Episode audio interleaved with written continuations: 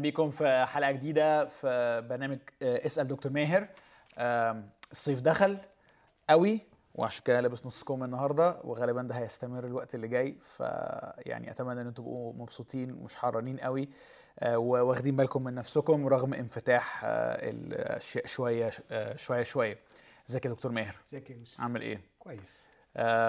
أنا بصراحة كنت مستني قوي المرة اللي ف... يعني المرة دي من المرة اللي فاتت لأني انبسطت قوي وتعلمت قوي المرة اللي فاتت وحاسس إنه أنا عايز يعني أكمل الموضوع ده أكتر. إحنا عندنا خمس أوجه لمحبة الله. خلصنا واحد المرة اللي فاتت ومش عارف النهارده هنقدر نخلص على فكرة. ما خلصناهوش يعني آه بس إحنا فعلا جست لمسنا ان الموضوع مرتبط بالثالوث والواحد يرتعب لما يدخل. إحنا مجرد أشرنا إشارة مختصرة ليه. آه بالظبط. ربنا يطمنك. فأتوقع إن النهارده برضه هيبقى عندنا عمق ويعني و... و... يعني حوار عميق ما بيني وما بينك.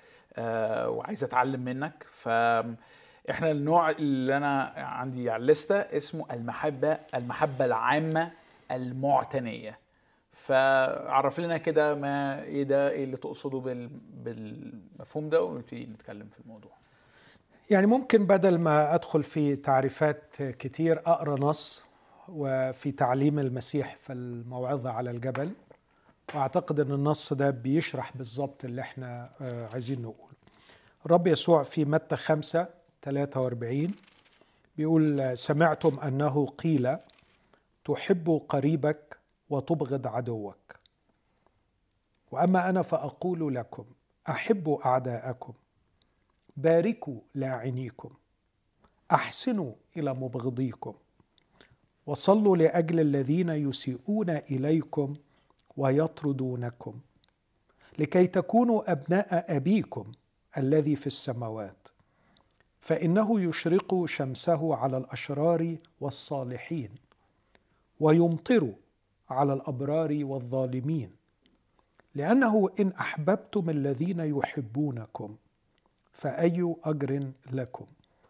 أليس العشارون أيضا يفعلون ذلك؟ وإن سلمتم على إخوتكم فقط فأي فأي فضل تصنعون؟ أليس العشارون أيضا يفعلون هكذا؟ فكونوا أنتم كاملين كما أن أباكم الذي في السماوات هو كامل. قبل ما تشرح بس عايز أسألك سؤال. عمرك فكرت تعمل تسجيل للكتاب بصوتك؟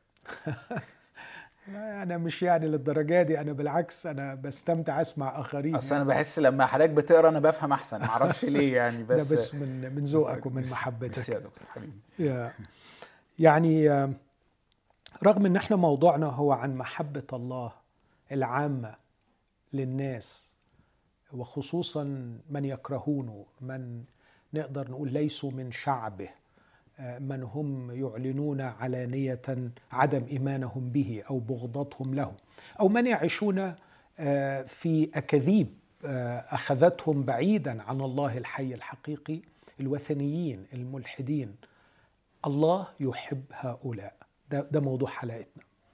ومش بس بيحبهم نظريا آه، لكن إحنا سميناها المحبة العامة المعتنية. آه، ال- هذا الإعلان الإلهي يتغلغل وينتشر في كل ثنايا الكتاب المقدس.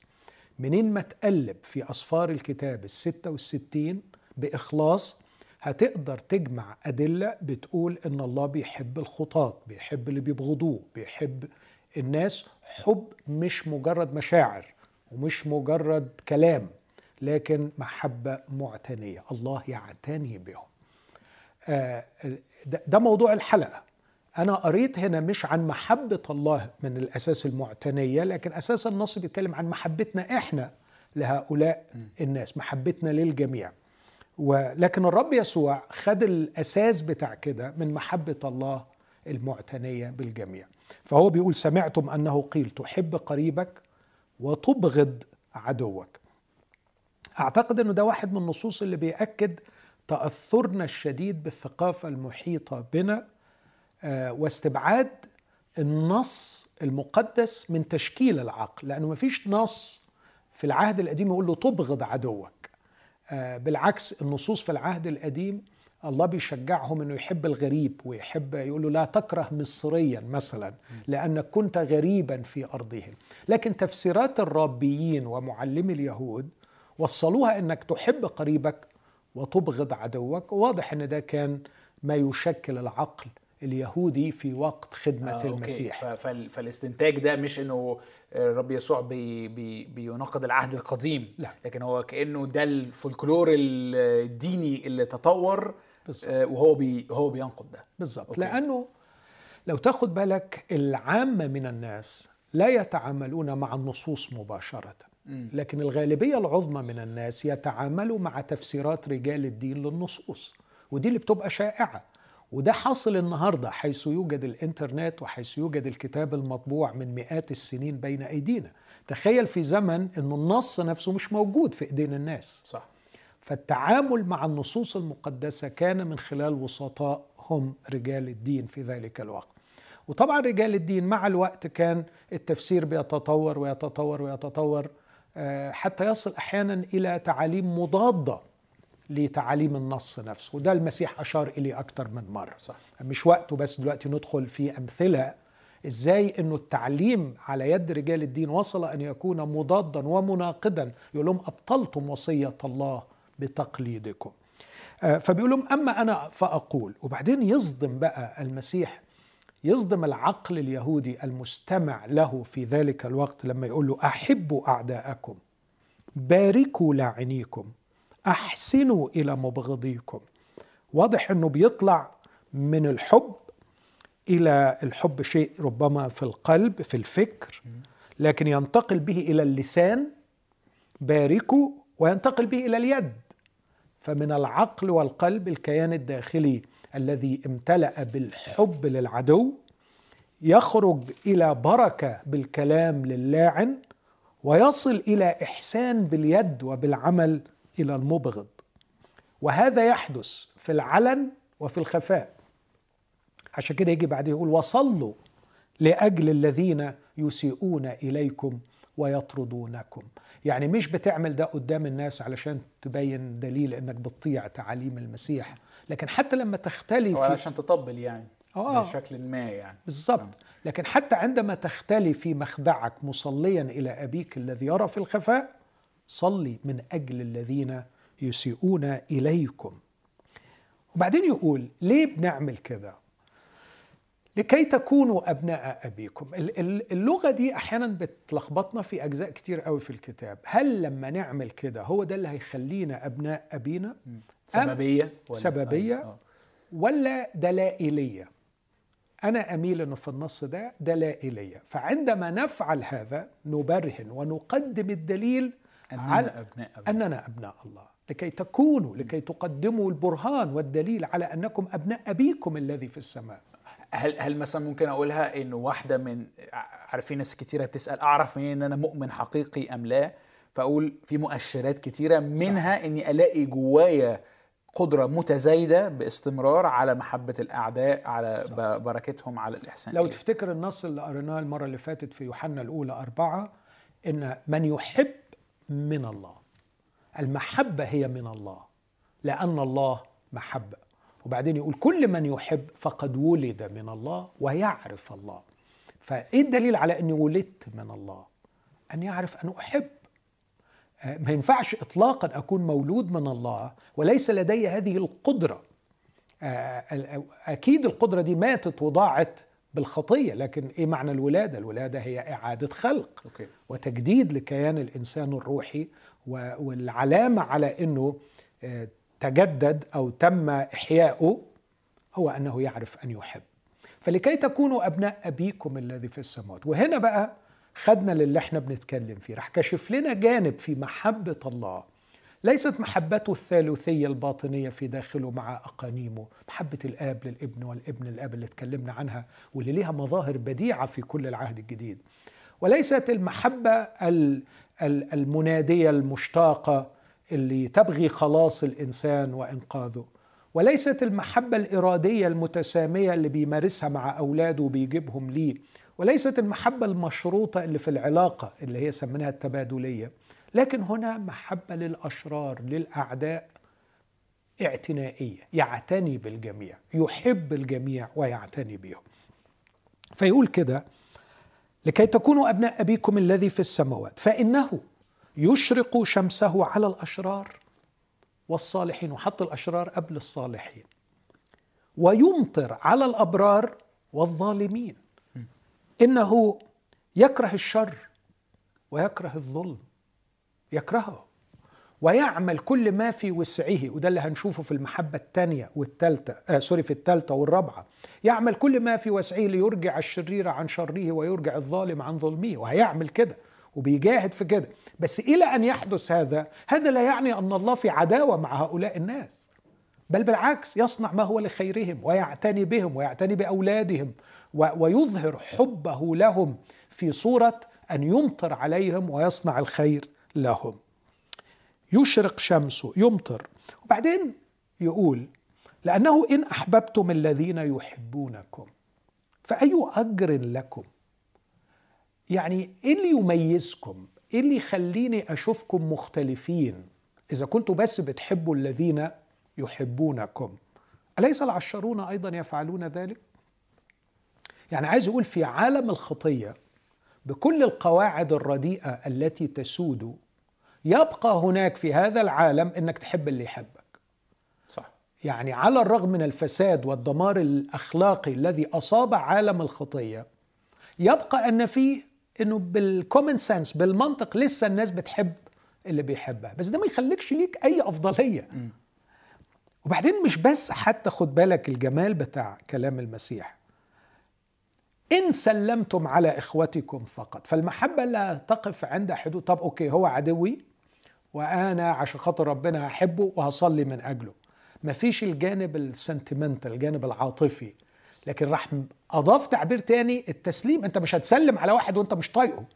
صح. بتتجنبه. بتتجنبه. فهو راح تقدم خطوة أبعد وقال وإن سلمتم على إخوتكم فقط فأي فضل تصنعون. أليس العشارون أيضا يفعلون هكذا؟ بعدين يقول بقى فكونوا أنتم كاملين. وده هنجيله بعدين. ما هو هذا النوع من الكمال؟ ما هو هذا الوضع الذي يريدنا فيه الله؟ كونوا أنتم كاملين كما أن أباكم الذي في السماوات هو كامل. فلو أردت خلاصة أو اختصار للي قلته أقول أن الله ينظر من السماء على جميع بني البشر ويرى كل الشر والفساد والعداوة والبغضة والظلم كما لا يراها مخلوق على الأرض هو يرى كل هذا لكن الغريب جدا لم يتأخر لحظة واحدة في يوم واحد عن الاعتناء بهؤلاء الأشرار. وهذه هي رسالة محبته لهم إنه يحبهم نوع من المحبة المعتنية بهؤلاء. يعني بستغرب جدا إن بعض اللاهوتيين يقول لك الله ما بيحبش الخاطي آه وللأسف في البعض بيقول كده. لكن لما الرب يسوع يقول إن أحببتم الذين يحبونكم يعني يريدني أن أحب من يعاديني ومن يكرهني فكيف يطلب مني هذا وهو نفسه لا يفعله؟ أوكي. يعني في بالي بيدور بتاع 20 سؤال خليني أبتدي بواحد منهم. ما أظنش إني لوحدي في إحساسي إنه الوصية دي نوع من الوصايا هحطها كده ما بين قوسين الهلامية اللي هي لا يمكن الوصول إليها كانه ربنا بيطلب مني ماشي هو عنده القدرة إنه يحب الناس اللي مش بيح... اللي مش بيحبوه رغم إنه لو لو أنا فاهم صح هما بيختبروا نوع واحد من الخمس أنواع أوكي؟ آه لكن إنه الله يطلب مني أنا إني كأني أجرد نفسي من كل مشاعري وذكرياتي وحد أساء الي وكده وأقوم أحب علشان هو بيحب فأنا كده أبقى ابنه وزيه حلو. بالنسبة لناس كتيرة قوي آه، لا يعني آه، خيالية يعني. أوكي. يعني أول حاجة هعترض على اجرد نفسي. أنا أريد يعني آه، أقول أن أستكمل نفسي أن أكمل نفسي.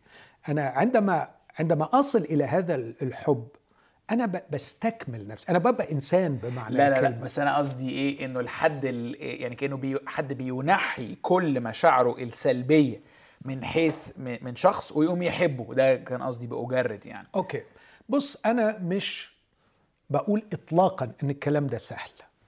بس أنا عندي كذا مشكلة في رفضه. المشكلة الأولى في رفضه إن الموعظة دي موعظة على الجبل. وإحنا بنعتبرها إن دي أساس المسيحية ومدخل المسيحية وأن مبادئ الملكوت أعلنت. فاللي بيقول أنا من بني الملكوت هو ملتزم بتعاليم هذه العظه آه، مثلا إحنا كلنا بنركز على آه، إنه من نظر إلى امرأة ليشتهيها فقد زنى بها في قلبه. صح. ده من تعاليم العظة آه، من تعاليم العظة مثلا والكنايس بتدافع وبتعمل مجامع ومؤتمرات إنه ممنوع الطلاق. جبتوا منين يا اخوانا إنه ممنوع الطلاق من الموعظة على الجبل. فكونك تكيل بمكيالين تيجي عند بعض الوصايا في الموعظة عن الجبل على الجبل وتقول نتمسك بيها ونتمسك بيها حرفيا واحيانا يمكن ما بيكونش المقصود حرفي فيها وتيجي عند حاجة تاني واضح جدا إنه هو طالبها وطالبها يعني زي ما بيقولها وتقول لا ده كلام هلامي وكلام ما ينفعش. النقطة الثانية هو آه، واضح يا يوسف إنه آه، عندنا كده ما بنقولهاش بس حاجة خفية جوانا أن المسيح جاء المسيح يسوع جاء إلى العالم لكي يجعلنا أناسا أفضل. لكن مش ليغير تغيير ثوري لوضعنا. أوكي. آه، إحنا ممكن نكون بنقول دي أحيانا على المنابر إنه إنه جاء لكي يغير وضعنا تغييرا ثوريا ويحدث ثورة كاملة في الحياة الروحية والأخلاقية. آه، لكن مفهومنا للكلمة دي داخليا هو إنه ربنا يخلينا ناس كويسين. يحسننا اخلاقيا. فطبعا لو المفهوم اللي جوايا ودي نقطة في غاية الخطورة إن إحنا مرات بنسمع كلام مع المنبر أو بنقرأ الكتاب المقدس بس بنفسره طبقا للعقلية بتاعتنا.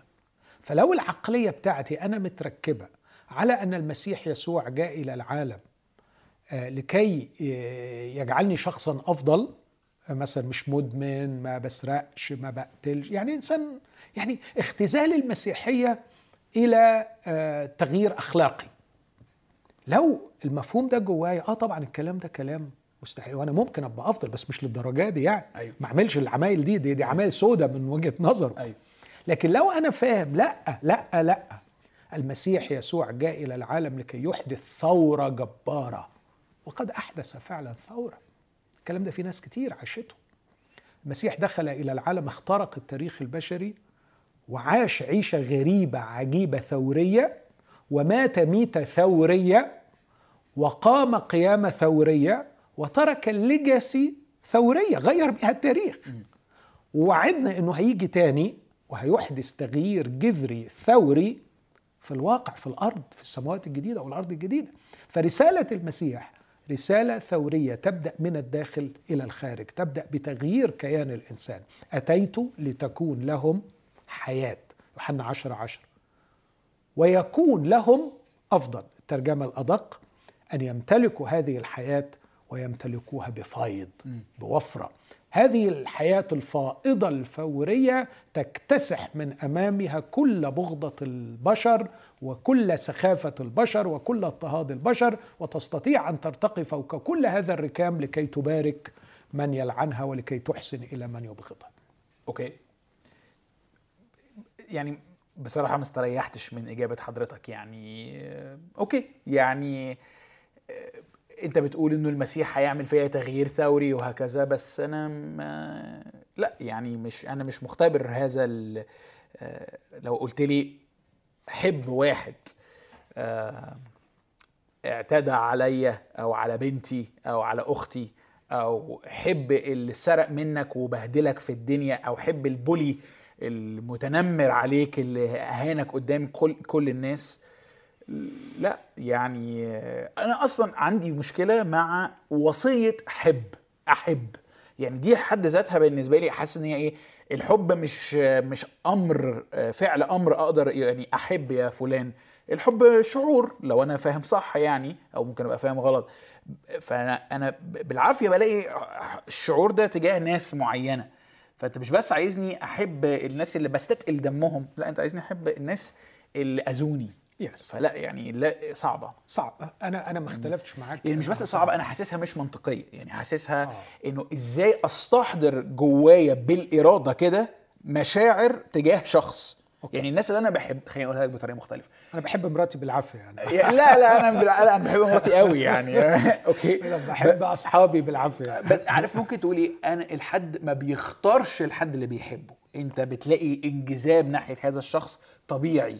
فالمشاعر انت مفعول به وليس فاعل. حتى حتى في الإنجليزي يقول لك I fell in love لما حدش بيقع في الحب. وأنت موافق على التعري... على التعبيرات دي أنا بقول لك هم بيقولوا إيه؟ يعني فقولي لو قولي يعني أنا بحط ده جنب الوصية ويمكن نصلحها يعني. اللي, اللي ده مش يصلحها. ده أنت اللي بتقوله يعني دمار. مصايب سوداء. يعني أنت بتتكلم في حاجة غير المسيحيه خالص يعني خليني أقول لك بعض الحاجات. اولا يعني واضح إن إن إن في دمار في تعريف ما هو الحب. وإحنا لو الحلقة دي بس عرفنا فيها ما هو الحب يبقى كسبنا يعني. مم. فمفهوم الحب. دي دي نقطة. أوكي. النقطة الثانية مفهوم يعني أكثر مرة كررت أنا إزاي أعمل ده؟ وكأننا بنشطب تماما وبنلغي القصة المسيحية اللي بتبلغ خبر الإنجيل اللي اسمه قوة الله للخلاص. هناك قوة ستعمل فينا لكي ترتقي بنا إلى هذا المستوى. م. وإلا يبقى القصة المسيحية زي ما قلت زيها زي أي قصة أخرى زي أي worldview آخر بيعلم تعاليم في حدود المعقول والمنطقي والمقبول لكن أفضل شوية. okay. ففي مفهوم خاطئ للحب محتاجين تعريف للحب وفي مفهوم خاطئ تماما لما هي المسيحية وما هي القصة المسيحية وما هي الرسالة وما هي الوسيلة التي أستطيع أن أعيش بها المسيحية. okay. يعني مش بس جايبالي مستوى عالي. يعني واحد قال الناموس طلب مني أن أقفز فلم أستطع. النعمة طلبت مني أن أطير لكنها أعطتني جناحين. فالقصة المسيحية مش بس بتقول لك على مستوى عالي لكن كمان بتدي لك الإمكانية. أوكي. فالمفهوم عندنا طب أنا هعمل ده إزاي؟ هو يعني في عمل إلهي بيحدث فيه. آه. لكن الحاجة الثالثه بقى أو الرابعة إنه إحنا يا يوسف وده اللي اكتشفته خلال دراستنا اليومين دول خلال الأسبوع ده والحقيقة خزيته وخجلته وشعرت بالأسف الشديد إنه إحنا ما عندناش تعليم لاهوتي عن المحبة ولا سيما عن محبة الله. رغم إن إحنا تقريبا ما بنتكلمش غير عنها. ما دي الكارثة دي الكارثة اللي أذهلتني. إحنا خلاص نمنا وتمددنا وارتحنا وأنتخنا على إن المسيحية دي بتاعت المحبة. بس لما تشوف الواقع إحنا ما يفرقش عن غيرنا. ومفاهيمنا للمحبة هي هي. آه فحتى على المستوى الف... الفهم يعني أو المفاهيم مش بس نعم. الفعل يعني. نعم. أوكي. عندنا تشوه في مفهوم المحبة يتصاعد طبعا بشكل رهيب عندما يصل إلى رجل الشارع عندما يصل إلى العامة. لكن بعد كده تطلع على المنبر تلاقي الكلام عن المحبة كلام هزيل مش واضح ومش ثوري. وبعدين لما بقى ودي ده اللي خلاني خجلت وخزيت.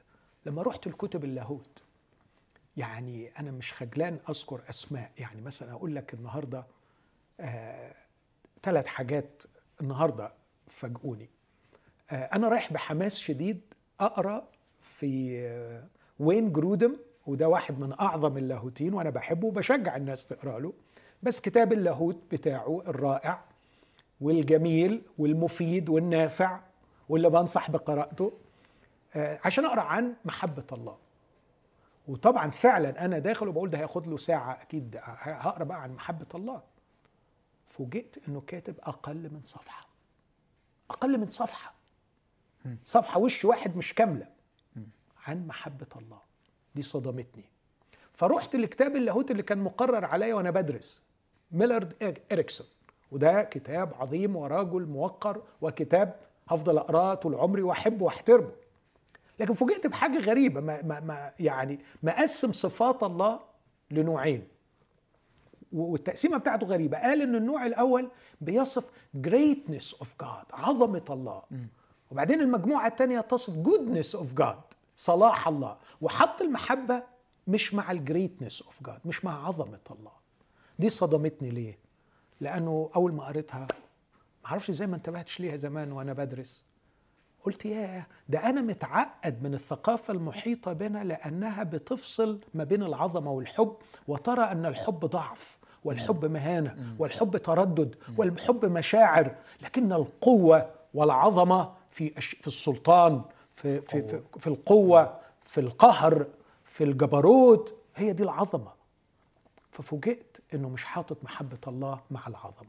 كمل عليا بقى أستاذي اللي أنا يعني بعتز بيه ودرست له كتير فان هوزر كيفن فان هوزر. لقيته كاتب ال paragraph ده.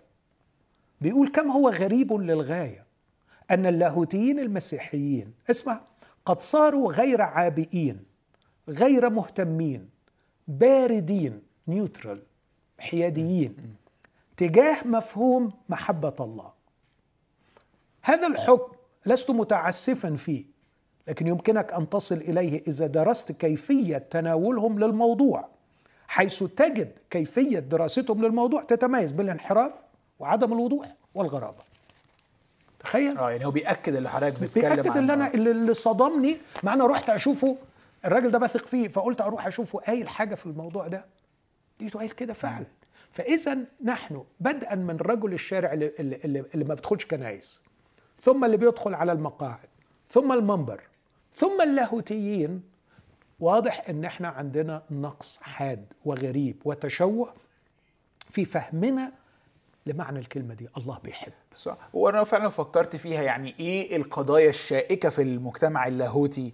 هتبقى مثلا عن سكاتولوجي كلية معرفة معر... عن الله يعني آه نفس إن الله آه. كلية المعرفة ويعني إيه يعرف المستقبل وكده أو الله كلية القدرة يقدر يعمل إيه وما يقدرش يعمل إيه. بس نادرا لما يبقى فيه حوار عن سلطان الله أو سلطان الله. دي بقى يعني قصة, قصة كبيرة وعلاقته بحرية الإنسان وهكذا. لكن نادرا أو عمري ما شفت جدال حول, حول محبة. محبة الله لأنه تحسها مفهوم. آه عارفين عارف آه بالظبط. سهل. okay. ف ف ف ف ف make sense بقى لما نيجي نقرأ الآية دي اللي هي احبوا اعدائكم نحس إنه آه مش مش فاهم أو يعني تمام مش عارف. آه okay. ف تاني يا يوسف هقول لك الحتة اللي كررتها كتير. إحنا بنفهم اللي بيتقال لنا طبقا للعقل الذي تكون. صح. عقلنا لم يتكون بأي لاهوت يعرفنا ما هي محبة الله. فبالتالي حتى النصوص ما بتصدمناش بنفوتها. أوكي. آه. آه ليه العقل ده تكون بالشكل ده؟ آه قلت لك دلوقتي واحد من الأسباب.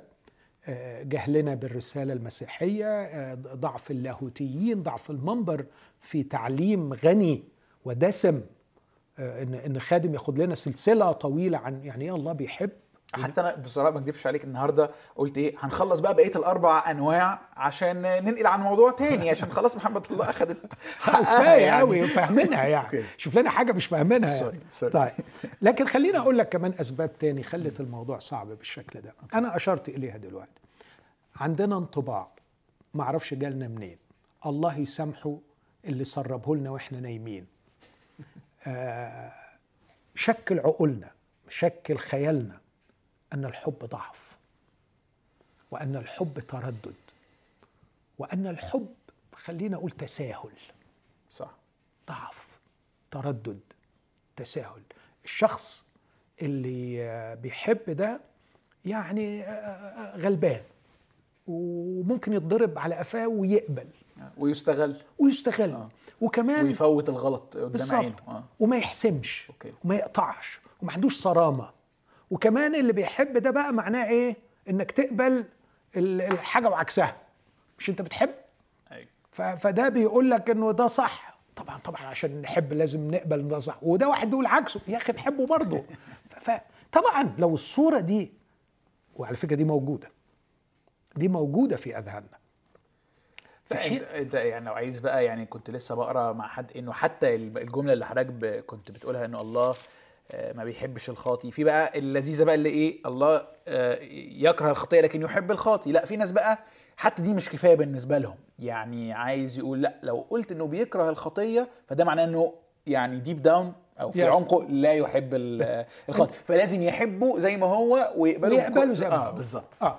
لسه كنت بتناقش مع ابنه عزيزه ليا فبتقول لي يعني أنا مقتنعة إنه ما يكونش يعني مش مش هي.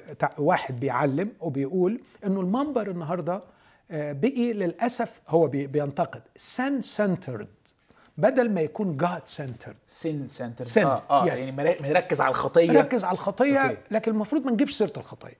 آه. المفروض ما نجيبش سيرة الخطية. ليه ما نجيبش سيرة الخطية؟ عشان ما نوجعش الناس ما نضايقهمش.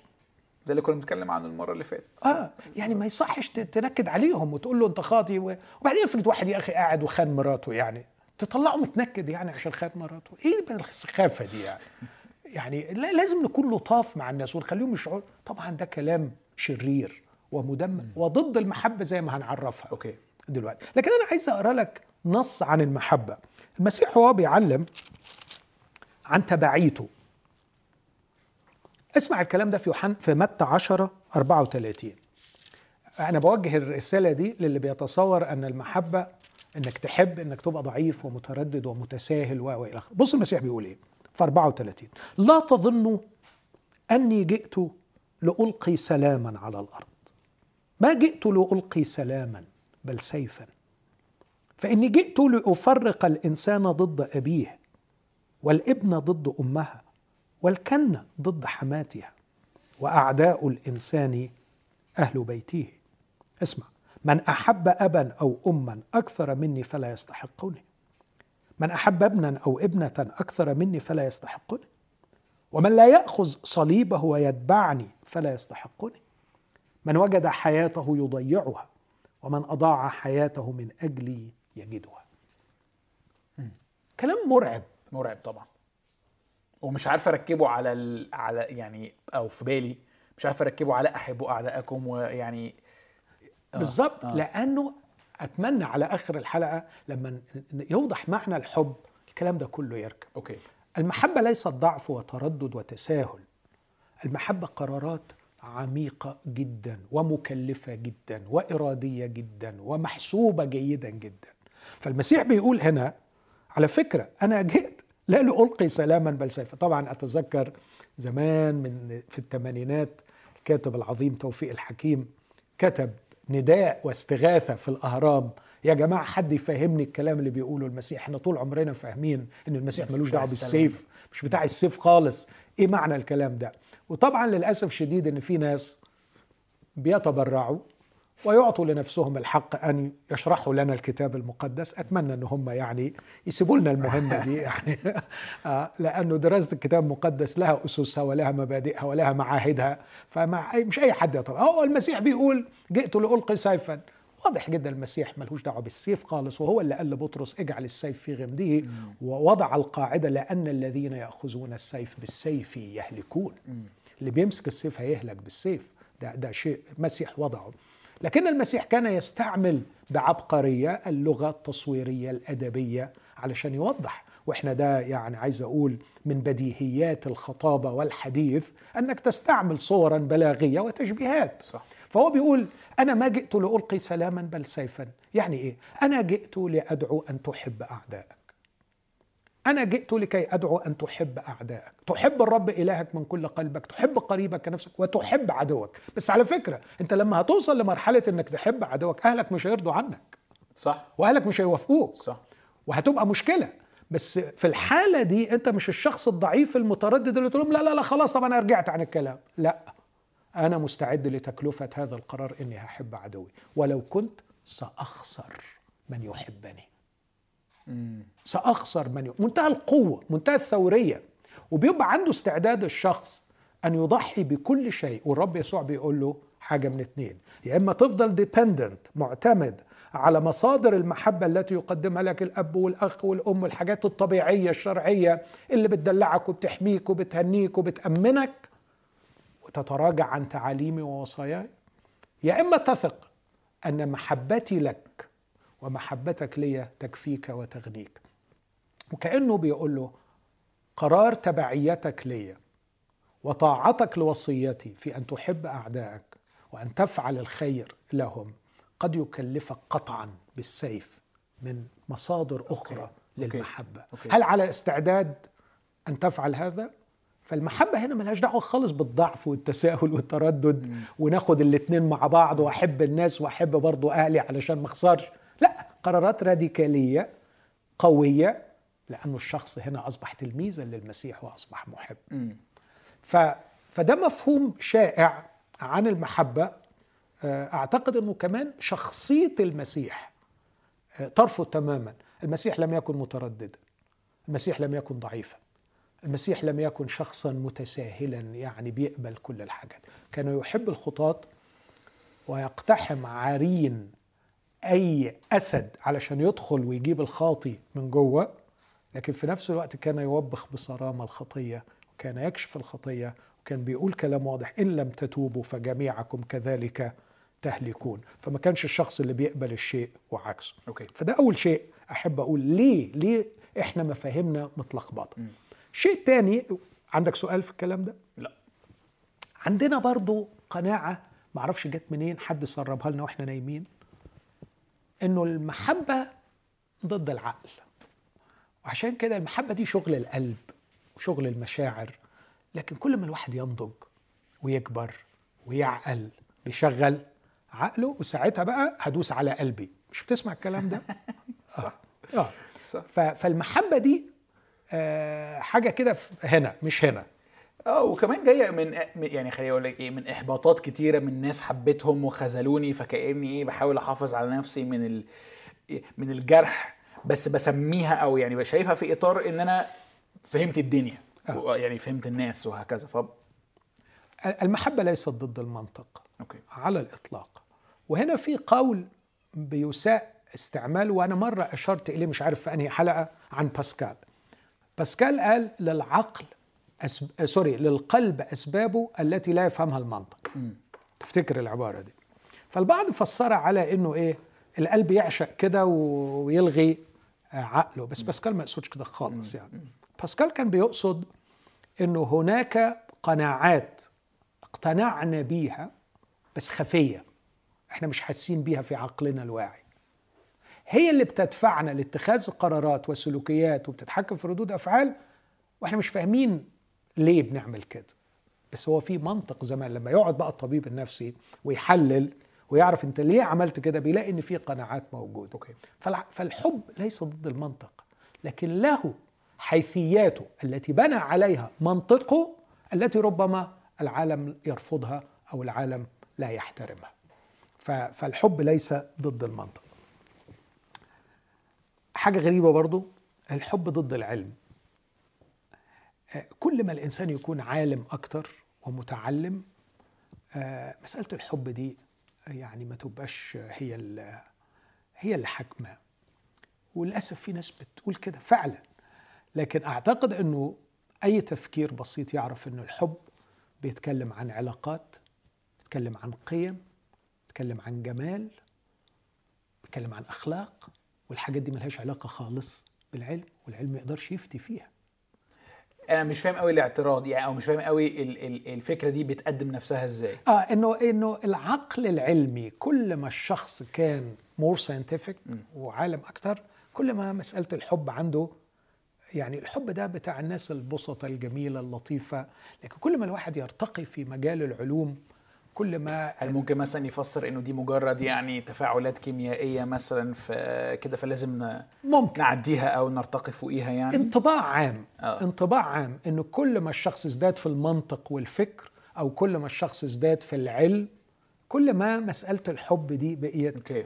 يعني فكأنه يعني ال- النوعين بالذات الأخرانيين دول أو الفكرتين المشوهين دول كأنها حواجز فكرية بتتحط ضد مفهوم الله يحب. بالظبط. فيعني وتخلي الله شكله ضعيف. آه مش جذاب مش أو جذاب. أو مش مش فكرة آه، جديرة بالاحترام. يعني ما. احبش ابقى زيه.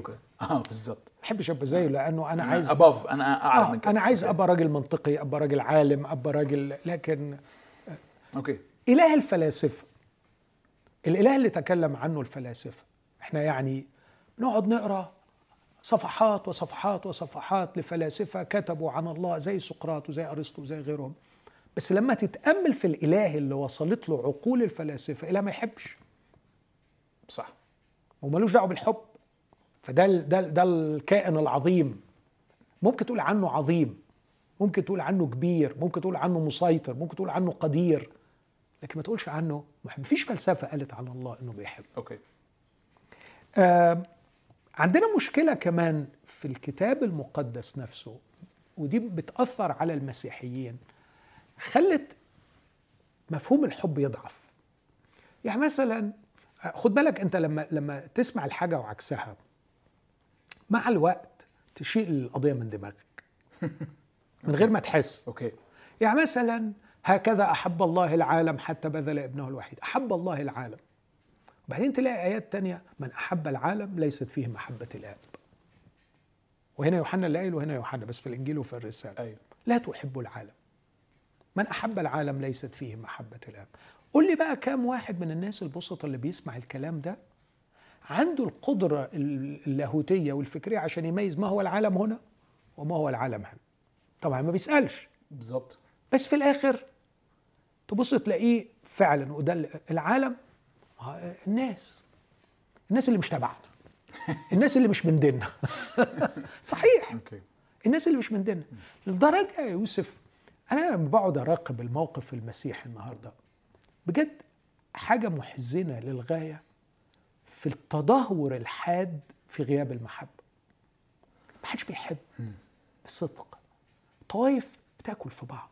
للأسف الشديد. أنا آسف إن أنا أقول كده. آه، التعليم اللي خلينا أقول التوجه من وراء التعليم أحيانا يعني لما تمسك مثلا تعليم معين في الطائفة تشوف إن بتعلم معلمين وبيعلموا بس تلاقي اتجاه التعليم إنه يعني يغني لك أغاني قبيلتك آه، يحكي لك أمجادك لكي ما يقنعك أنك أفضل من كل الطوائف وأنك أنت الصواب وغيرك كله خطأ ولا يوجد حق إلا في داخل هذا الإطار. والآخر يعني إذا لم يشيطنوا ويكفروا فعلى الأقل يهمشوا ويحتقروا. أوكي. لكن التعليم المسيحي للأسف الشديد ما لا يصب في هذا الاتجاه.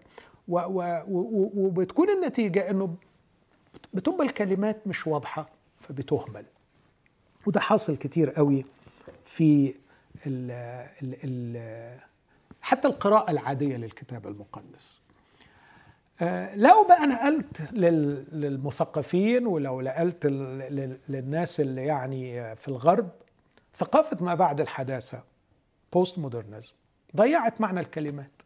فأنت حتى لما تقول حب كلمة حب ليك غير حب ليا غير حب في حتة تاني خلاص يعني فحتى الكلمات كلها ضاعت وطارت فما عادش فيه مفاهيم واضحة وأنا أعتقد أنه هذه هي بابل. بدء الانحراف الأكبر آه، عن الله هو غياب التعريفات وغياب المفاهيم وغياب معاني الكلمات. ونظل نعمل ونعيش ونتعايش مع بعضنا ومع الله في حالة من التشويش وحالة من عدم الوضوح لمعاني الكلمات وللمفاهيم والمعاني. أوكي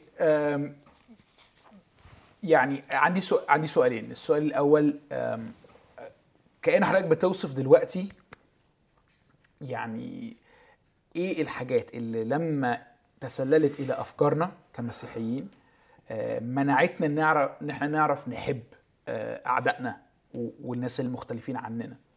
بس ممكن حد آه، بيسمعنا كده وبيقول وكمان معلش أزود وتخلينا غير قادرين على فهم محبة الله للعالم من حولنا. أيوه ده بالظبط اللي كنت لسه هسأله ليه. لأن ممكن حد شايف عنوان الحلقة وبيقول محبة الله. وبعدين فجأة دلوقتي بيسمعنا بنتكلم عن فشلنا في محبة الآخر. مش عارفين نحب إحنا عشان إحنا بنتكلم عن نوع محبة من الله موجه للآخر المختلف عنه اللي معاديه اللي بيغضبه. okay.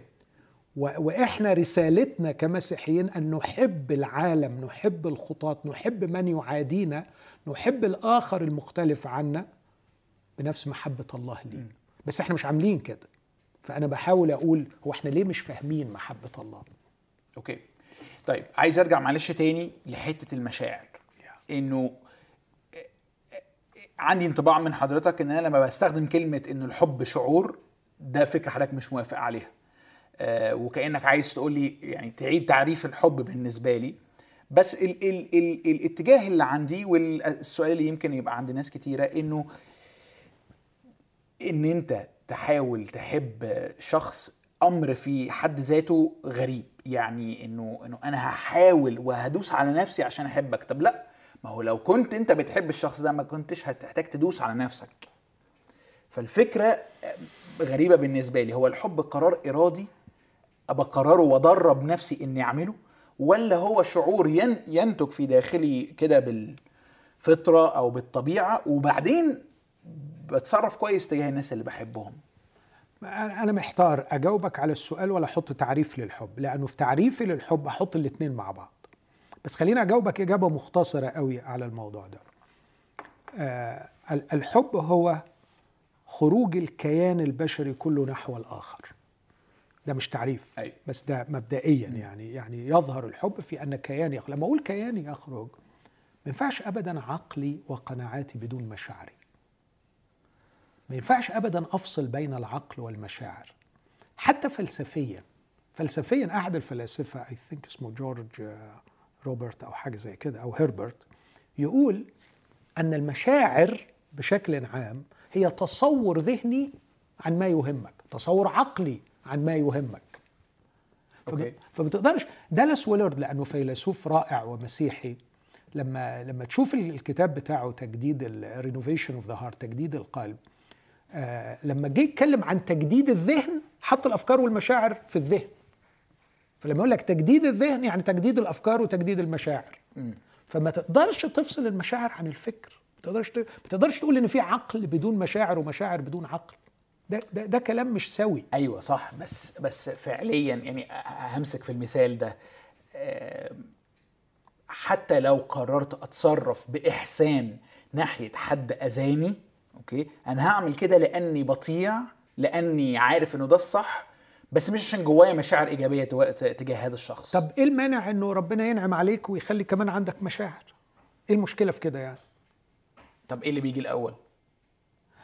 اللي بيجي الأول لا ده ولا ده. اللي بيجي الأول خلق جديد للكيان ينسكب فيه محبة الله بالروح القدس. فتكونوا أبناء أبيكم. يعني أنت بتبقى ابن فبتقدر تعمل الكلام ده. okay. لما لما بي وهي دي ثورة المسيحية. خلق جديد. محبة الله انسكبت في قلوبنا بالروح القدس المعطى لنا. فإذا انسكبت فيك محبة اللي بيشرق شمسه على الأشرار والأبرار أعتقد إنه هيبقى سهل عليك بعد كده okay. إنك تقدم بقناعة وبمشاعر. okay. مش سهل يمكن أسهل لكن مش مش أسهل سهل طبعا يعني. طبعا طبعا. بس خلينا أقول رحلة حياة المسيحي هي نامين في معرفة الله. كلوسي واحد. نامين في معرفة الله. فأنا رحلة حياتي مش أنمو في عقائد الكنيسة. أوكي. مش رحلة حياتي أنمو في نشاطي الكنسي. إني أنمو في معرفة الله. والمعرفة معرفة اختبارية. فكلما أعرف الله أكثر كل ما بحب كما يحب الله. طيب آخر آخر آخر حاجة معلش. في, انطباع برضو عندي جوه كده كأنها فكرة مشوهة من الحضرتك اللي قلتهم إنه المحبة ضد العدل. إنه آه، حد يعني أخطأ فعلا في حقي أو في حق حد تاني آه، وأنا دلوقتي مطلوب مني إن أنا أحبه رغم إن هو غلطان يعني محتاج يدفع ثمن أو محتاج يتعاقب وهكذا. أعتقد إنه إنه للأسف الشديد ان في بعض اللاهوتيين بيحطوا لما بيكلموك عن المحبة بيحسسك إن المحبة ضد العدل. وإنه يعني في conflict بين الاثنين وده مش مظبوط. لأن الله محب والله عادل وما فيش أي نوع من ال conflict يعني ممكن أروح أبلغ على حد في البوليس وأبقى بحبه؟ طبعا طبعا. وهنيجي للكلام ده في التعريف. okay. يعني إذا هو العدل ده نعمة ولا مش نعمة؟ العدل ده صفة إيجابية ولا مش إيجابية؟ إذا كان صفة إيجابية من المستحيل أن يتناقض مع المحبة. okay. ممكن دي عايزة دراسة فلسفية إيه الحب وإيه العدل لكن من المستحيل إن الاثنين يتناقضوا. okay. طيب. عندك عندك تعريف بقى عندي للمحبة. تعريف. okay. I hope انه يكون ده تعريف إجرائي يعني ممكن نفكر فيه. أنا بقول أن المحبة وركز معايا في الكلمات. أن تحب شخص أن تعمل بقصد أن تعمل بقصد متفهما ومتحمسا لصالح للصالح التام من أجل الله والآخر. لا قولها تاني قولها تاني. أن تعمل بقصد متفهما ومتحمسا للصالح التام من أجل الله والآخر. نفصفصها بقى. نفصفص آه. أن تعمل فالمحبة فعل okay. وفعل إرادي okay. وليس مجرد شعور. ماشي. أن تعمل بقصد intentionally. ال intentionality غايبه قوي اليومين دول في حاجات كتير قوي وال- و- وسمة الجيل اللي إحنا فيه إنه غايبه عنه القصدية أو التعمديه أوكي. إنك تتعمد أن تحب. تتعمد آه. أن إحنا تفعل ماشيين كده يعني زي ما الدنيا واخدانا هو ده عكس التعمدية لكن بالظبط. إن أنت تبقى متعمد إن أنت كأنك بتقف وأنت اللي بتاخد القرار إنك تعمل حاجة معينة بالضبط. كده آه. آه، مش عايز أدخل في تحليل إحنا ليه فقدنا في الجيل ده التعمدية دي عايزة. حلقة صدقني لوحدها آه آه بس في كوارث بسبب الموضوع ده صح لكن المحبة الكلمة صار جسدا أخلى نفسه هذه هي المحبة. قرار إرادي تعمدي متعمد أن يخترق التاريخ البشري ويأتي إلينا في صورة إنسان. Okay. متعمد أن يعطي الأشرار والظالمين. متعمد أن يظهر لطفه وإمهاله وطول أناته على شخص يعاديه ويبغضه. Okay. فأن تفعل وليس مجرد شعور أن تفعل بعمد وبقصد وليس مجرد أنها صدفة أو انفعال لكن كمان متفهما ومتحمسا. متفهما بتحط نفسك في موقف الآخر وتقدر تعرف عشان بعد كده أنت هتعمل للصالح التام بتاعه فتبقى عارف هو هو مين. فأنت بتتفهم مين اللي قدامك. دي اللي بيسموها empathy بالإنجليزي؟ Empathy. Okay. مين البني آدم ده؟ إن أنا أقدر أحق يعني أتحد معاه وأحط نفسي في مكانه كأني أنا هو. يعني بلاش اتحد دي. ماشي. بلاش اتحد okay. دي. لكن على الأقل بت... بأعقل وأت... وأتفكر. واشوف هو أنا لما احب الشخص ده هو في انهي حتة وأنا عايز اعمل معاه إيه. Okay. فما فيش تغييب للعقل. Okay. ولاحظ هنا لأنه ممكن واحد يقول لك أنا أعمل الخير مع الجميع. أنت جاي بتحب الخير مش بتحب البني آدم. لكن إحنا اللي بنتكلم في... وده كويس إنك أيوة. تحب الخير. أحسن من بلاش. أحسن من بلاش. لكن إحنا مش بنتكلم على حب الخير. أيوه. إحنا بنتكلم على حب البني آدم. دي مهمة دي. مهمة. التمييز ده مهم. آه. فأنا لازم أتعقل لازم أتفهم مين هو الشخص. النقطة الرابعة اللي بعديها متحمسا لأنه أنا رافض شخصيا أن تكون المحبة بدون مشاعر. أوكي. فلا بد أن أكون فرحان إني بعمل كده. لابد إني أكون متحمس إني أعمل كده. إيه بقى اللي يخليني أتحمس لهذا الأمر؟ ممكن نتكلم فيه. طب أنا هعمل بقصد متفهما ومتحمسا. من أجل إيه؟ مش من أجل انبساطه. مش من أجل إنه يسقف لي. مش من أجل إنه يعني مجرد إنه يشكرني. أو مش لأجل إن أحصل ثواب عند ربنا. مش دي المحبة. Okay. أنا بحب نفسي كده لو أنا عايز أعلي رصيدي فوق. صح. لكن من أجل الصالح العام أو التام الصالح التام أحسن. ال well-being ال whole well-being بتاع الشخص ده. أنا عايز الشخص ده يكون سليم. خلينا أقولها بلغة الكتاب المقدس يكون في حالة الشلوم حالة الاكتمال. خلينا أقول ما هو الصالح التام للإنسان؟ كل ما يجعله إنسان. استرداد الكرامة الإنسانية عودته كإنسان وممارسة حقوقه كإنسان والتمتع بكرامته كإنسان.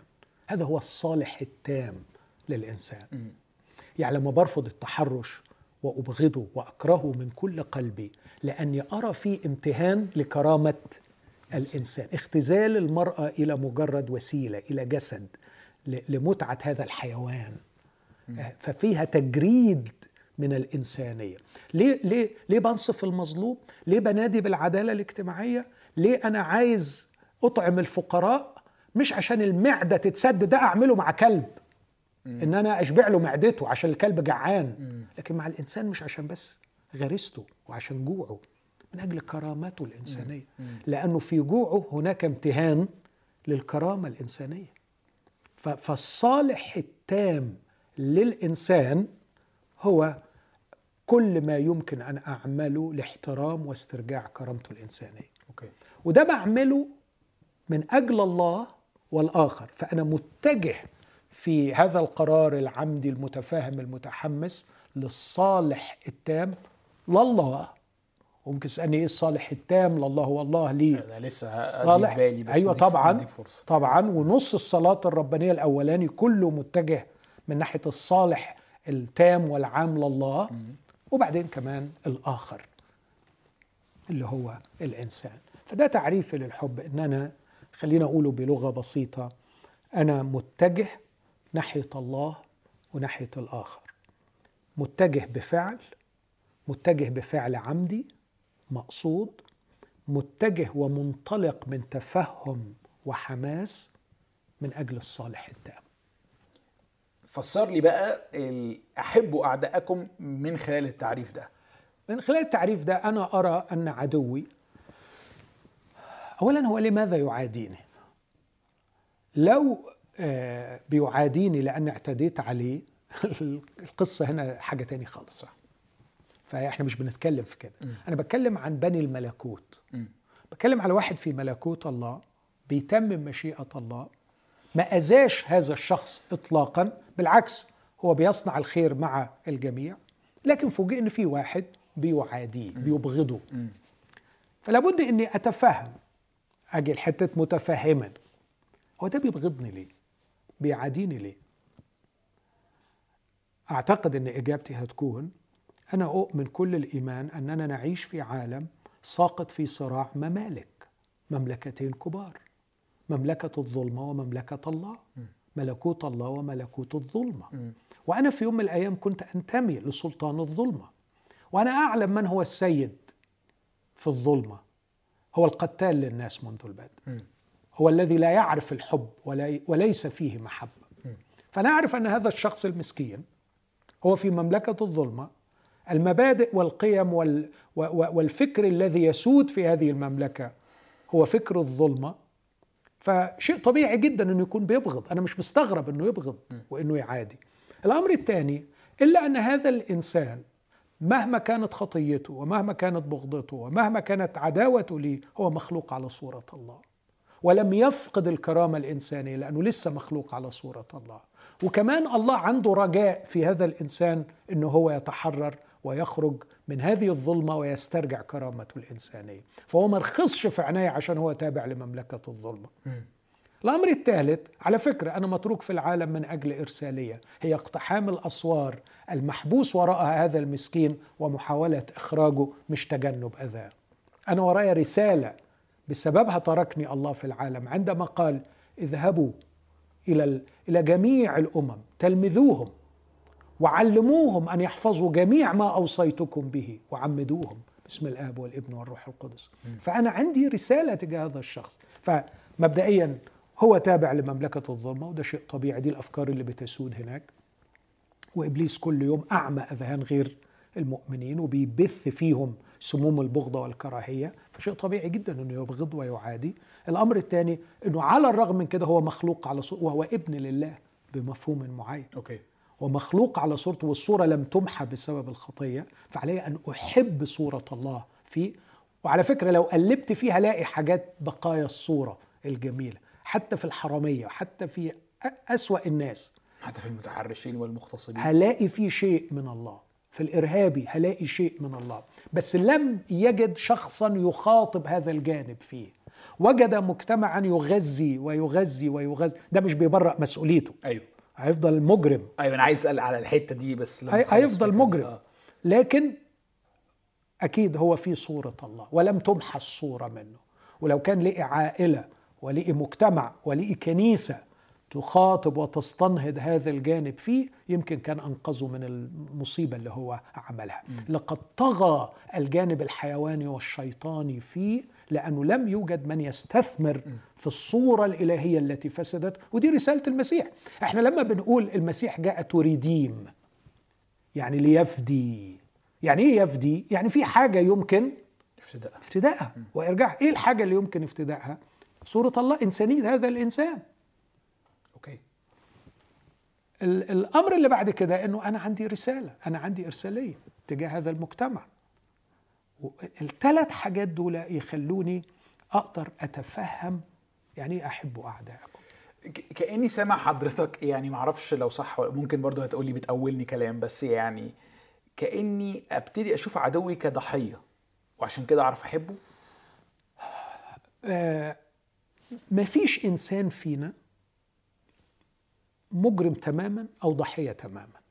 يعني ما فيش داعي إنك تعمل البولاريزيشن ده الاستقطاب ناحية الضحية وناحية الإجرام. كل منا وهذا ما نتعلمه من صليب المسيح كل منا مجرم وضحيه نحن أذنبنا وقد أذنب في حقنا وده منطقي جدا لأنك عايش في عالم كله مجرمين. صح. فما دام العالم مجرمين أنت من العالم وكمان المجرمين أذوك فأنت ضحية المجرمين. فده منطقي.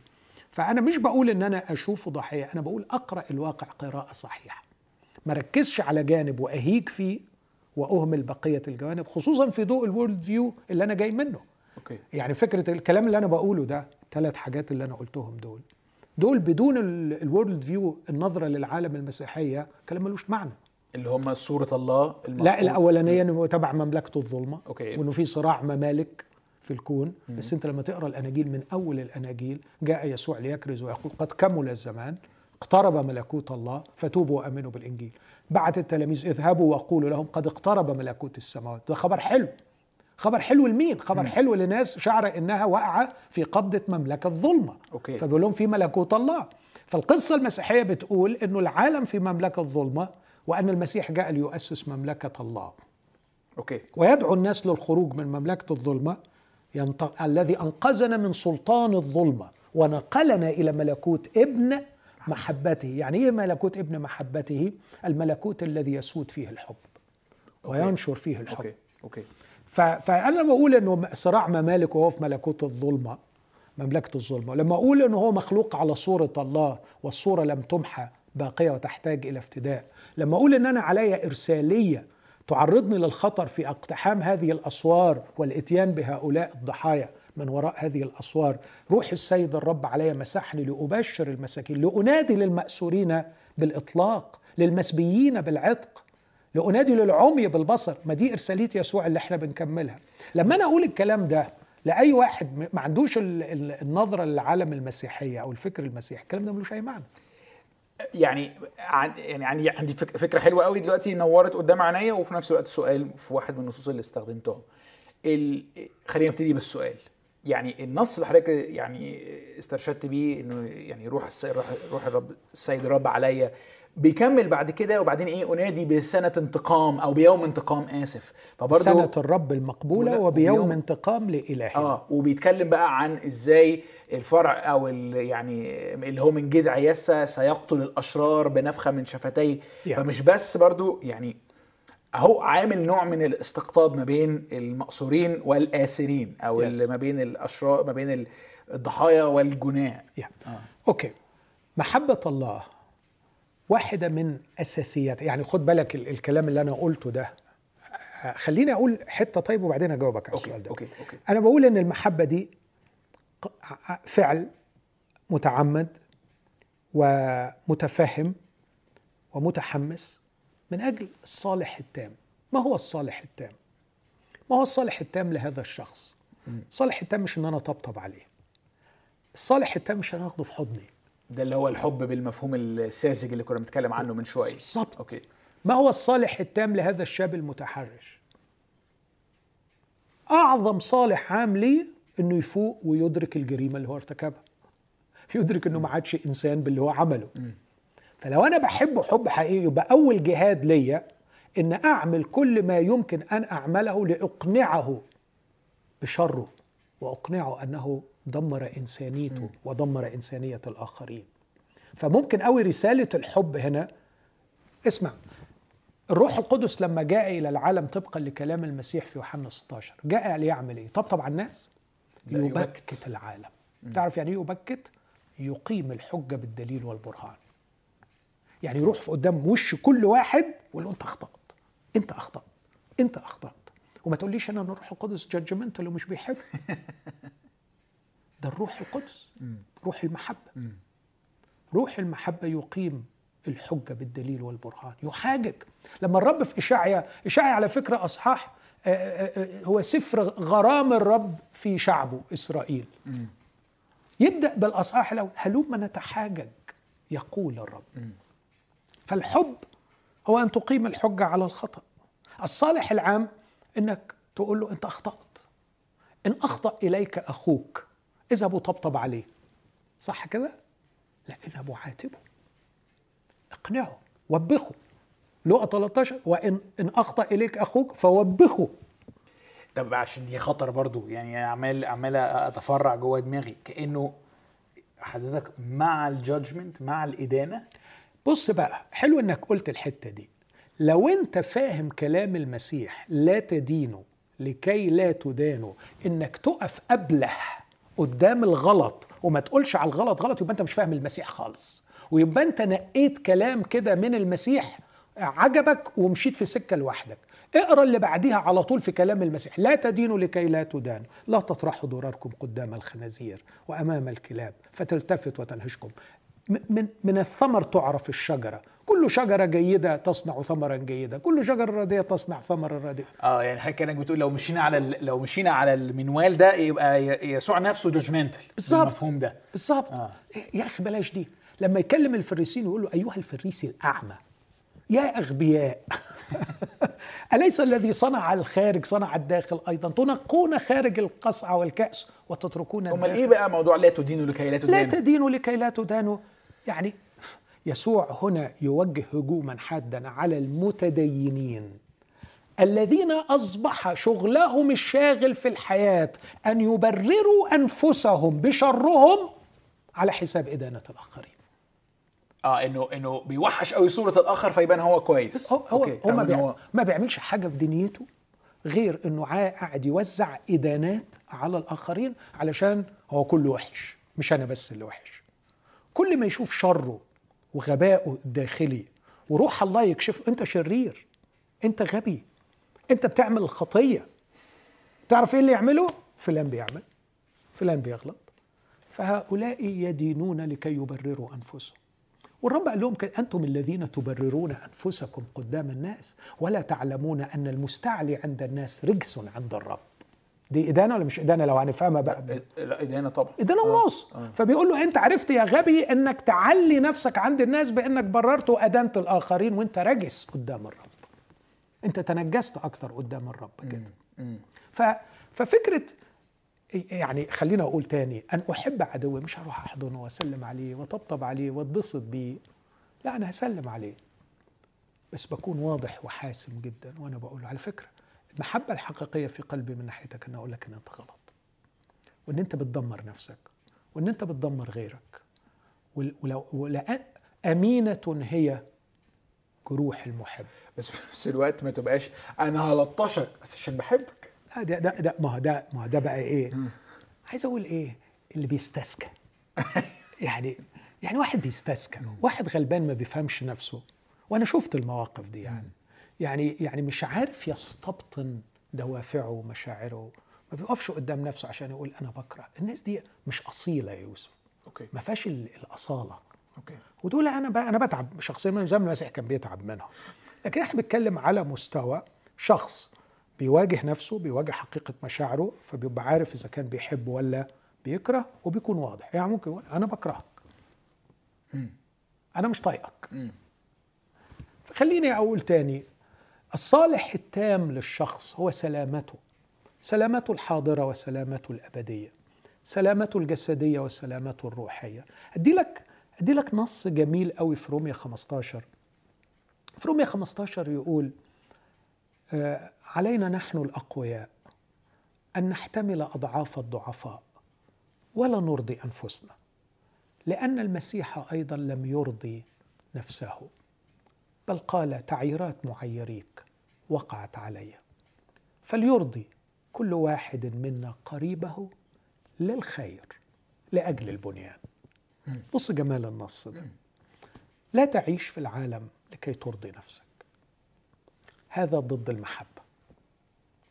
Don't please yourself. مش عايش هنا جست علشان ترضي نفسك تمتع نفسك. ده ضد المحبة. طب امال أنا بعمل إيه؟ أنا بعمل كل ما في وسعي لأرضي قريبي. بس رضا قريبي هنا بمعنى الصالح التام. التام لقريبي مين مثالي وقدوتي؟ المسيح. لأن المسيح لم يرضي نفسه.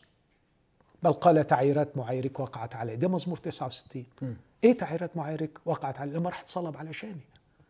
المسيح أحبني وأنا عدوه وأنا مخاصمه وأنا ببغضه. لكن راح وحمل خطيتي عني فتوحد معي في خطيتي وشري وحمل عاري. فبيقول تعيرات معيريك وقعت عليه يعني بص بولس جاب فين هنا؟ المسيح لم يرضي لو المسيح لو بيعمل للصالح التام لنفسه مش لغيره كان شرح للصليب. صح. ماله مال الصليب؟ الصليب ده بتاع الخطاة وعدلا نستحقه. فراح مات من أجلنا. فبيقول إحنا تلاميذه المفروض نمشي وراه. فلا نرضي أنفسنا لا نعمل للصالح التام من أجل أنفسنا ونهمل الآخرين. وبعدين يقول إذا فليرضي كل واحد منا قريبه يعني نعمل لصالح التام من أجل الآخر. وبعدين يروح حاطط يعني كأنه two disclaimers علشان ما حدش يتلخبط يحط تحفظين. التحفظ الأول للخير للبنيان. يعني بفكر في عدوي اللي هحبه. ما هو ما هو خيره؟ خيره إن إحنا نطبطب ونداري عليه لا خيره اشتكيه في البوليس. ده خيره. لأنه خد بالك لو أنا طبطبت عليه وسكت هحميه من السجن. هحميه من من إنه يتحبس. بس أنا في نفس الوقت بحتقر إنسانيته وبسيبه يهدر إنسانيته. هيستمر وحش كما هو. ففين الحب هنا؟ عشان كده واحد قال المحبة تستر كثرة من الخطايا لكن لا تتستر على الخطايا. إيه الفرق؟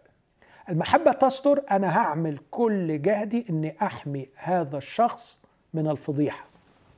لكن مش معناه أن أنا أتستر يعني أداري عليها وأسيبه يعدي من كأنه غير ما عملهاش. كأنه ما عملهاش. Okay. لا. فأتعامل معاها بس مش مش فضيحة. مش بفضحه. Okay. يعني مش هروح أشنع بيه. وبس قاعد مبسوط إن أنا عملت اللي عليا وشنعت بيه. فأنا أكثر برا وعدلا. يعني روح العصر قوي دي يعني آه. الأيام دي. آه الفيسبوك خلاص وأنا عملت اللي عليا وأنا بار.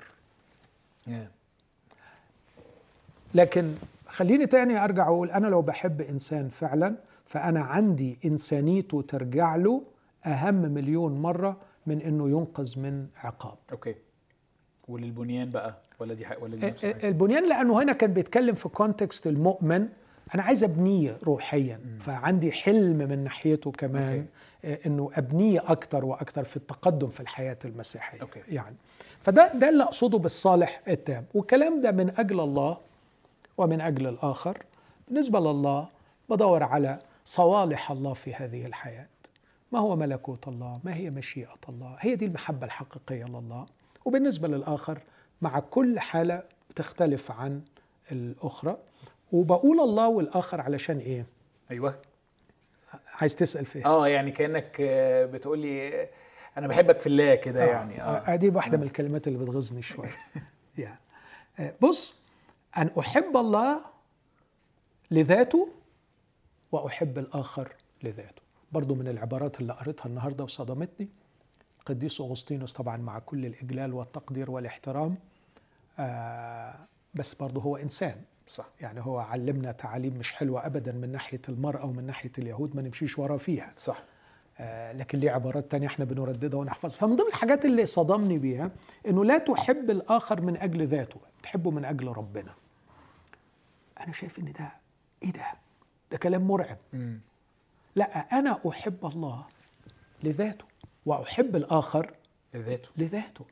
يعني مش آخد الآخر وسيلة لمحبة الله ولا آخد الله وسيلة لمحبة الآخر. لأنه في البعض برضه يقول لك إيه بتوع مثلا ال liberation theology مثلا. آه إحنا بنحب ربنا. بتعمل إيه لمحبة ربنا؟ إحنا هنري روحنا في العدالة الاجتماعية والنشاط السياسي. وهي دي المحبة. لا على فكرة لازم تكون ليك علاقة مع الله وتحبه كشخص وتدخل في عبادة حقيقية ليه. لا مع عبادتنا لربنا إن إحنا هنروح نعمل خير. فده بيستخدم الله وسيلة من أجل الآخر. والتاني بقى بص أنا بحبك لله كده يعني أنت أنا بس عشان خاطر آه، بحب ربنا هعمل معاك كده. ده غلط وده غلط. okay. علينا أن نحب الله ونعمل ما هو لصالحه في الأرض وعلينا أن نحب الآخر ونعمل ما هو لصالحه okay. معلش فكرني بالثلاث عقائد اللي قلناهم من شوية اللي تس... اللي, اللي, اللي تخليني أشوف الشخص ده وأقرأ الواقع صح العقيدة الأولى اللي قلتها إنه هذا الإنسان في مملكة الظلم. التعليم المسيحي يؤكد أننا الآن في صراع ممالك لو حابب تقرأ اقرأ كلام المسيح مثلا في إنجيل متى أصح 11 لما بيوصف صراع الممالك. بيقول إن القوي يحفظ داره متسلحا لكي تكون أمواله في أمان. حتى يأتي من هو أقوى منه فينزع سلاحه الكامل الذي اتكل عليه ويوزع غنائمه مين اللي بيتكلم هنا؟ المسيح. بيتكلم عن إيه؟ عن نفسه. صح. إنه هو الأقوى. أيوه. أقوى من مين؟ من إبليس. طب وإيه الغنائم اللي بياخدها؟ البني آدمين. بني آدمين. فيبقى هذا البني آدم طبقا لمنظور المسيح بعدما جاء إلى العالم إنه هو غنيمة من غنائم إبليس. أنا المفروض أبص له كده. أوكي. وبعدين ببص بالناحية الثانية إنه الغنيمة دي على فكرة ده مش خروف ولا مجرد آه، جاري جارية ولا عبد. ده إنسان مخلوق على صورة الله. ده له كرامة وقيمة إنسانية كبيرة زي زيه. لكن الصورة دي آه، شوهت لم تفقد بالخطية. بالظبط. أوكي. التعليم الثاني الأساسي في الإيمان المسيحي. هو أن الصورة لم تفقد. وده سر الكرامة الإنسانية. وده اللي يخلينا في صراع مع إبليس. صح. إنها لو فقدت خالص يبقى خلاص بقوا أشياء. آه. ففي في فرصة للافتداء yes. آه لأنه لسه في حاجة موجودة. نعم. okay. وبعدين الثالث التعليم الثالث الإرسالية. دي لينا إحنا بقى. لينا إحنا. آه. إحنا علينا إرسالية. أن نكمل عمل المسيح بأن إحنا نحب الناس دي ونجيبها. okay. أنا بقى سألتك السؤال ده ليه؟ لأن أنا الفكرة اللي نورت في دماغي من شوية. أنا عمال اسالك من اول الحلقة إزاي؟ إزاي احب اعدائي؟ مش عارف يعني كل الكلام ده. فالفكرة اللي نورت في دماغي انه بدراستي أو بوعي بهذه الت... الثلاث عقائد دول اللي هي عايز أقول إيه؟ في حد ذاتهم عقائد معقده ومكتوب عليهم كتب ممكن واحد يقعد يعني يعيش سنوات فيهم يحاول يقرأ عنهم okay؟ لكن عمري ما عرفت أربط العقيدة الصحيحة أو الفكر الصحيح أو الفهم الصحيح بالعمل المسيح بيطلبه مني. لأني لما فعلا بعرف أستخدم الثلاث أفكار دول في قراءة الشخص وفي قراءة الواقع بتاعي وقراءة دوري أنا ومكاني أنا في حياتي دي حاجة في الحقيقة تساعدني إني أبتدي أحاول أحب عدوي. فما بقتش إنه دي وصية محطوطة كده يعني ثقل عليا. ثقل عليا وإنت وشطارتك يعني ومن مفصولة عن الأفكار واللاهوتيات اللي مكتوبة في الكتب لكن يعني عجبتني اللي هي ال ال ال يعني طيب. آه، الرابطة دي يعني مش عارف. إعادة تجديد الذهن. يعني okay. okay. تغيروا عن شكلكم بتجديد أذهانكم. آه. تجديد الذهن هيحصل إزاي؟ بتغ... بالعقائد اللاهوتية الصحيحة. okay. okay. عايز أجاوبك على حاجة سألتها أنت من شوية ونسيتها. وبعدين أمر معاك مرور سريع على ثلاث نصوص كتابية غاية في الروعة بتبين لنا محبة إحنا الله قدامنا 8 دقايق okay. يعني فكل نص دقيقتين. واحد من من من جوهر المحبة لو عايز تعرف المحبة أنها غير قاهرة. سي إس لويس يقول المحبة بالقوة اغتصاب. فالمحبة لا تقهر. إذا أنا رحت للشخص وقدمت له كل الحب وبعدين هو مش عايز يتجاوب وعايز يستمر في بغضته وفي عداوته. أنا مش هكسر إيده وأقول له لازم بالعافية تقبل المحبه no وده بقى تلاقيه في كل الكتاب. إن الله يتكلم مرة ومرتين وثلاثه و و و وبيلاحق الإنسان بيلاحق الإنسان. لو الله قهر الإنسان ليستجيب لمحبته يبقى ضاع كل تعريف الحب وانتهت لأنه من أقوى دلائل كرامة الإنسان احترام حرية إرادته. okay. فإيه معناها يعني إنك تقهر إرادة الإنسان وتسلبه حريته تحت مسمى إنك أنت بتحبه؟ ده كلام مرفوض أوكي. وكلام غير مستساغ بالمرة.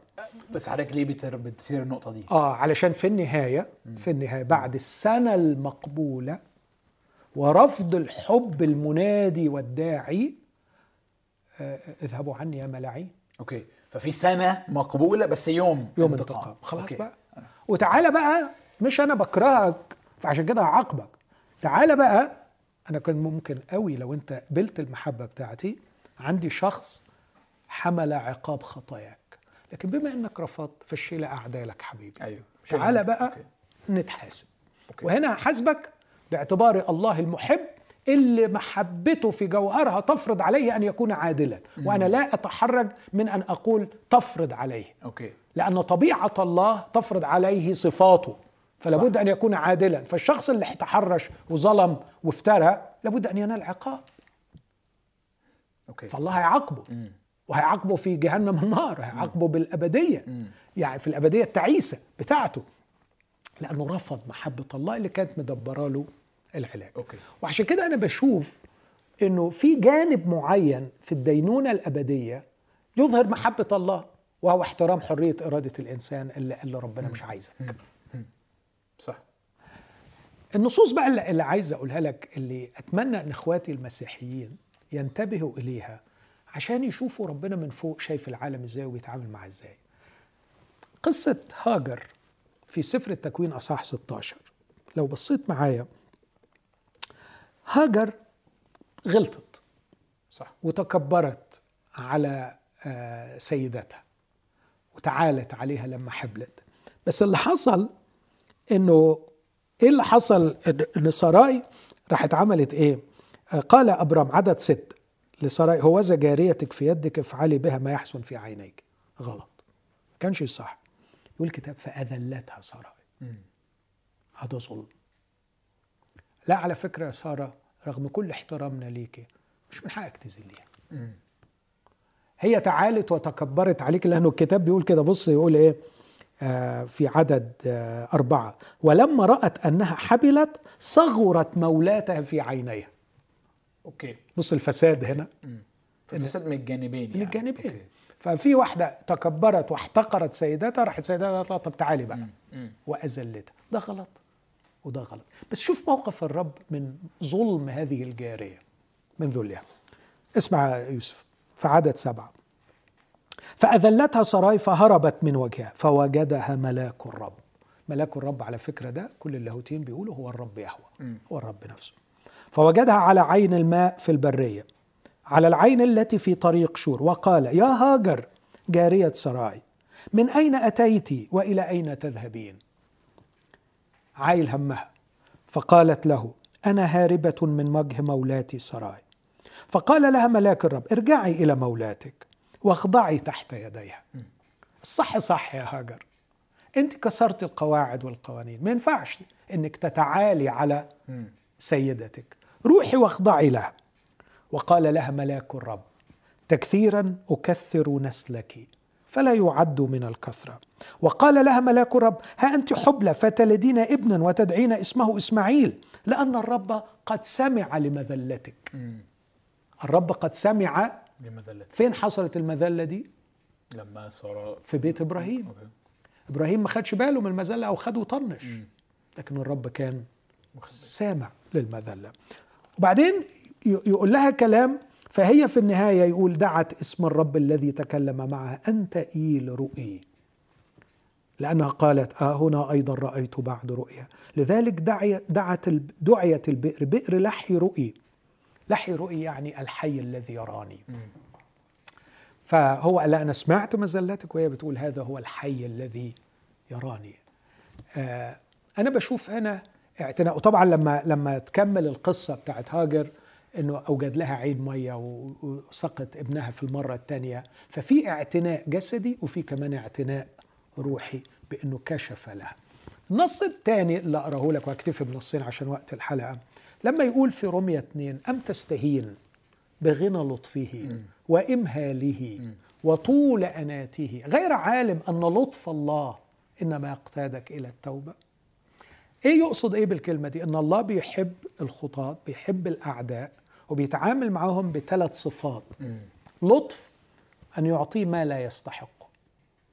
إمهال أن لا يعطيه ما يستحقه. وطول الأنات في الاثنين. فالله طويل الأنات في أن يعطي الخاطي من الإحسان ما لا يستحق والله طويل الأناة في إمهاله فلا يعطي الخاطي والمبغض والعدو ما يستحق من قضاء ودينونة. طويل الأناة في الاثنين على أمل أن يغير فكره ويرجع إلى الله. هذه هي المحبة للعدو. وبالتالي إحنا لما بنحاول نحب اعدائنا نفكر بنفس المفهوم. بنفس الطريقة دي. okay okay. أشكرك قوي يا دكتور ماهر على كل حاجة النهارده وعايز أشجعكم في طلب حقيقي من ربنا إنه يبتدي يغير في أفكارنا واتجاهاتنا ودوافعنا فنقدر نبتدي آه، نوسع المحبة بتاعتنا فتبقى زي المحبة بتاعته. اشوفكم الحلقة اللي جاية.